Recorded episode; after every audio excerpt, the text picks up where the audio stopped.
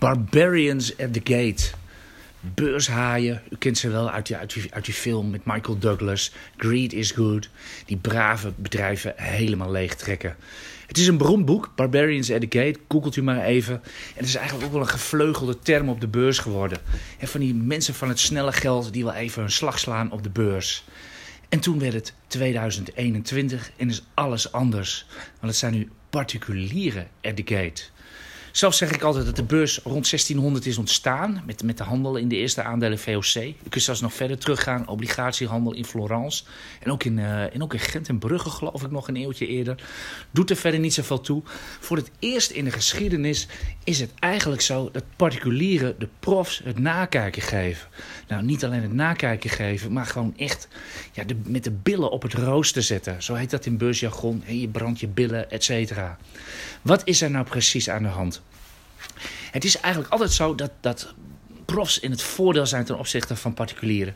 Ze hebben veel meer informatie, ze hebben snelle informatie. Ze hebben natuurlijk veel meer vakkennis, veel meer resources, et cetera.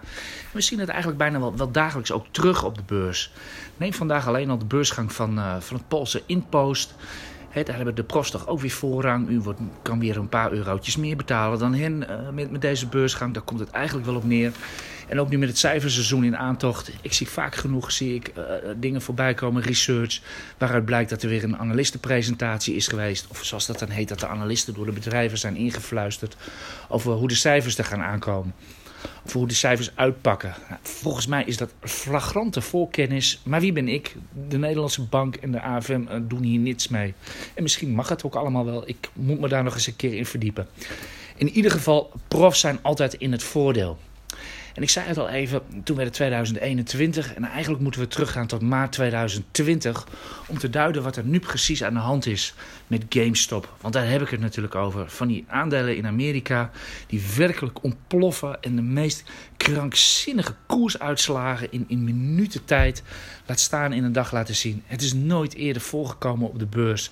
Zelfs in de dotcom hype van 2000 ging het er niet zo heftig als toe, aan toe zoals het nu ging. En dat heeft een paar oorzaken. Zoals ik al zei, in maart 2000, maart 2000 vorig jaar, de coronacrisis brak, uit. En eigenlijk gingen alle profs op hun handen zitten. De aandelenbeleggers, de modellen klopten niet meer. Een zwarte zwaan, uh, hoe gaan de winstcijfers uitpakken? Uh, dus die gingen op hun handen zitten. Verkochten natuurlijk wat om hun risico's af te bouwen. Ja, en een heleboel mensen gingen, zaten thuis, waren in een lockdown. Ze zaten thuis, niks te doen, maar wel geld. En dan kregen ze ook nog geld. En wat gingen ze doen? Ze gingen een account aanmaken bij Robinhood en andere zogenaamde gratis brokers. Die brokers zijn helemaal niet gratis, maar dat is even een hele andere podcast. U betaalt uiteindelijk altijd een prijs via het boek. Daar komt het uh, altijd wel op neer. In ieder geval, het ziet er gratis uit. En het is maar wat makkelijk. Op zo'n appje, meestal op je telefoon, kun je handelen waar je zin in hebt. Op tijdstippen waar je maar zin in hebt. En alles wat maar los en vast zit waar je zin in hebt. Voeg dat bij uh, sociale media, die er natuurlijk nu volop zijn. En we krijgen die Robin Hood rally. Weet u nog, vorig jaar de beurzen gingen 40% omlaag ongeveer in maart. En Terwijl iedereen zat te kijken zo van, nou we gaan nog veel verder. Want hoe zit het met die winst en die omzetten van die bedrijven? Het wordt een rampzalig jaar. En zij kochten de beurs weer omhoog. En the rest is history. Niet helemaal. We zagen natuurlijk al eind vorig jaar hoe bitcoin, natuurlijk zo'n buitenbeentje op, op de beurs, een beetje al keihard ging stijgen. En sinds een paar weken is daar een nieuw fenomeen bij. Hoe het precies ontstaan is, wat dan ook, daar gaan we ooit nog wel eens een keer een uh, reconstructie van, van lezen of wat dan ook.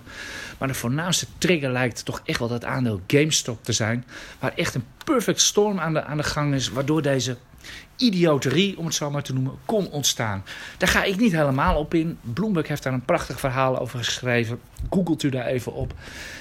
Maar in ieder geval, wat er, is, wat er nu gebeurt, is dat er op diverse social media, Reddit, uh, is, de, is de belangrijkste. Daar verzamelen ze zeg maar al die, die Robin Hood traders.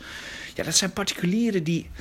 Ja, ze beroepen zich er zelfs op dat ze de ballen er verstand van hebben. Ze weten niks. Het enige wat ze doen is gewoon, ze kopen uh, wat hard stijgt. En dat stijgt dan nog harder en dan verkopen ze het weer. En dan zijn ze rijk. Dat is ongeveer de strategie die ze volgen. En u moet het ze nageven. Kijk naar de koersen. Ze hebben hartstikke gelijk. De stomste strategie denkbaar op de beurs werkt op dit moment. Het allerbeste. De meeste winsten zitten daar. Of dat het een blijvertje is, dat is natuurlijk een heel ander verhaal. Maar in ieder geval, op een gegeven moment kregen ze daar op die, op die, op die fora van, van Reddit, et cetera, kregen ze, kregen ze in de mot van ja, dat, uh, dat er nogal wat aandelen geshort worden. En dan niet, uh, niet van de bekende aandelen, et cetera, maar veel, heel veel kleintjes waar dan de hedgefund short in zitten. U kent ze wellicht van Nederland, van de AFM, uh, van de AFM site, maar kijk vooral even op shortsell.nl, daar staat het allemaal heel overzichtelijk aan, aangegeven. En op een of andere manier, ze spraken met elkaar af of ze jutten elkaar op of wat dan ook, om daar, om daar tegen in te gaan, om tegen die shorters in te gaan. Wat precies de aanleiding daarvoor voor is geweest, dat is altijd moeilijk te achterhalen. Maar in ieder geval is het met z'n allen tegen de shorters. Als u berichten gaat nakijken wat dan ook. Het, het is een heel eigen jargon. Het, het, is, het is echt absurd als u ernaar zit te kijken. De adrenaline druipt er vanaf. Alles gaat in kapitalen met heel veel smileys. Het is, het is echt heel vreemd om naar te kijken. Maar in ieder geval, de teneur is... wij zijn met meer en we zullen ze krijgen. U hebt gezien wat er met GameStop is gebeurd. U hebt gezien wat er met Signal Advance is gebeurd. En daar kom ik zo meteen even helemaal op terug. Want dat is misschien wel een signaal. En vandaag is het ook RAM, of weet ik veel hoe dat allemaal heet. Bij Nokia is er wat aan de hand. Unibelgo Damco vliegt misschien wel vandaag de lucht in. Uh, omdat, uh, omdat shorts worden gecoverd. Of omdat iedereen denkt dat er shorts worden gecoverd. Ik weet het niet hoe het precies zit. Maar in ieder geval, er is een waanzinnige frenzy aan de gang. Zoveel is duidelijk.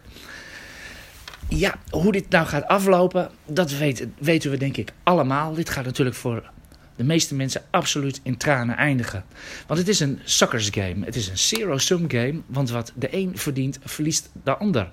Het is niet zo dat we met bedrijven te maken hebben die geld verdienen, omzet maken, waarvan we allemaal mee profiteren, dat herbeleggen, waardoor we allemaal rijk worden en onze pensioenen kunnen betalen.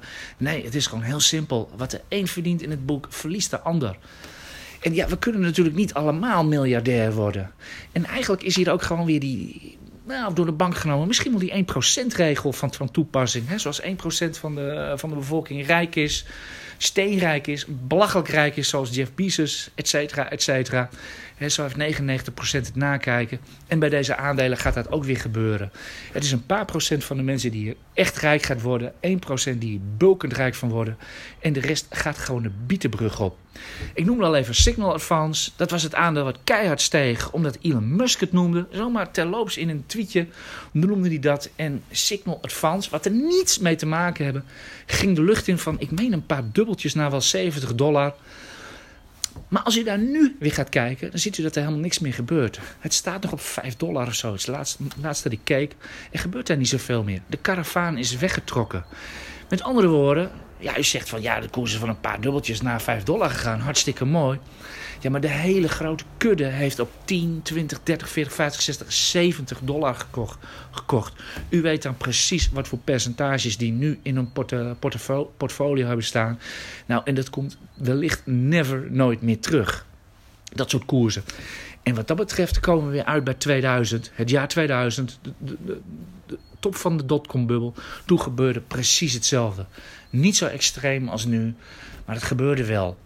En juist omdat het nu zo heel, zo, heel extreem is, uh, vrees ik dat er wel weer eens een hele grote groep beleggers kan zijn die dusdanig zijn billen verbrandt dat ze echt ook never nooit meer terugkomen komen op de beurs. Het valt me heel vaak op. Ik ben zelf van, van de generatie 2000, met mensen uit die tijd, vooral particulieren die ooit iets gedaan hebben op de beurs, kan ik anno nu nog niet normaal over beurs praten. Hun eigen ervaringen zijn zo slecht dat ze er niet meer rationeel naar kunnen kijken.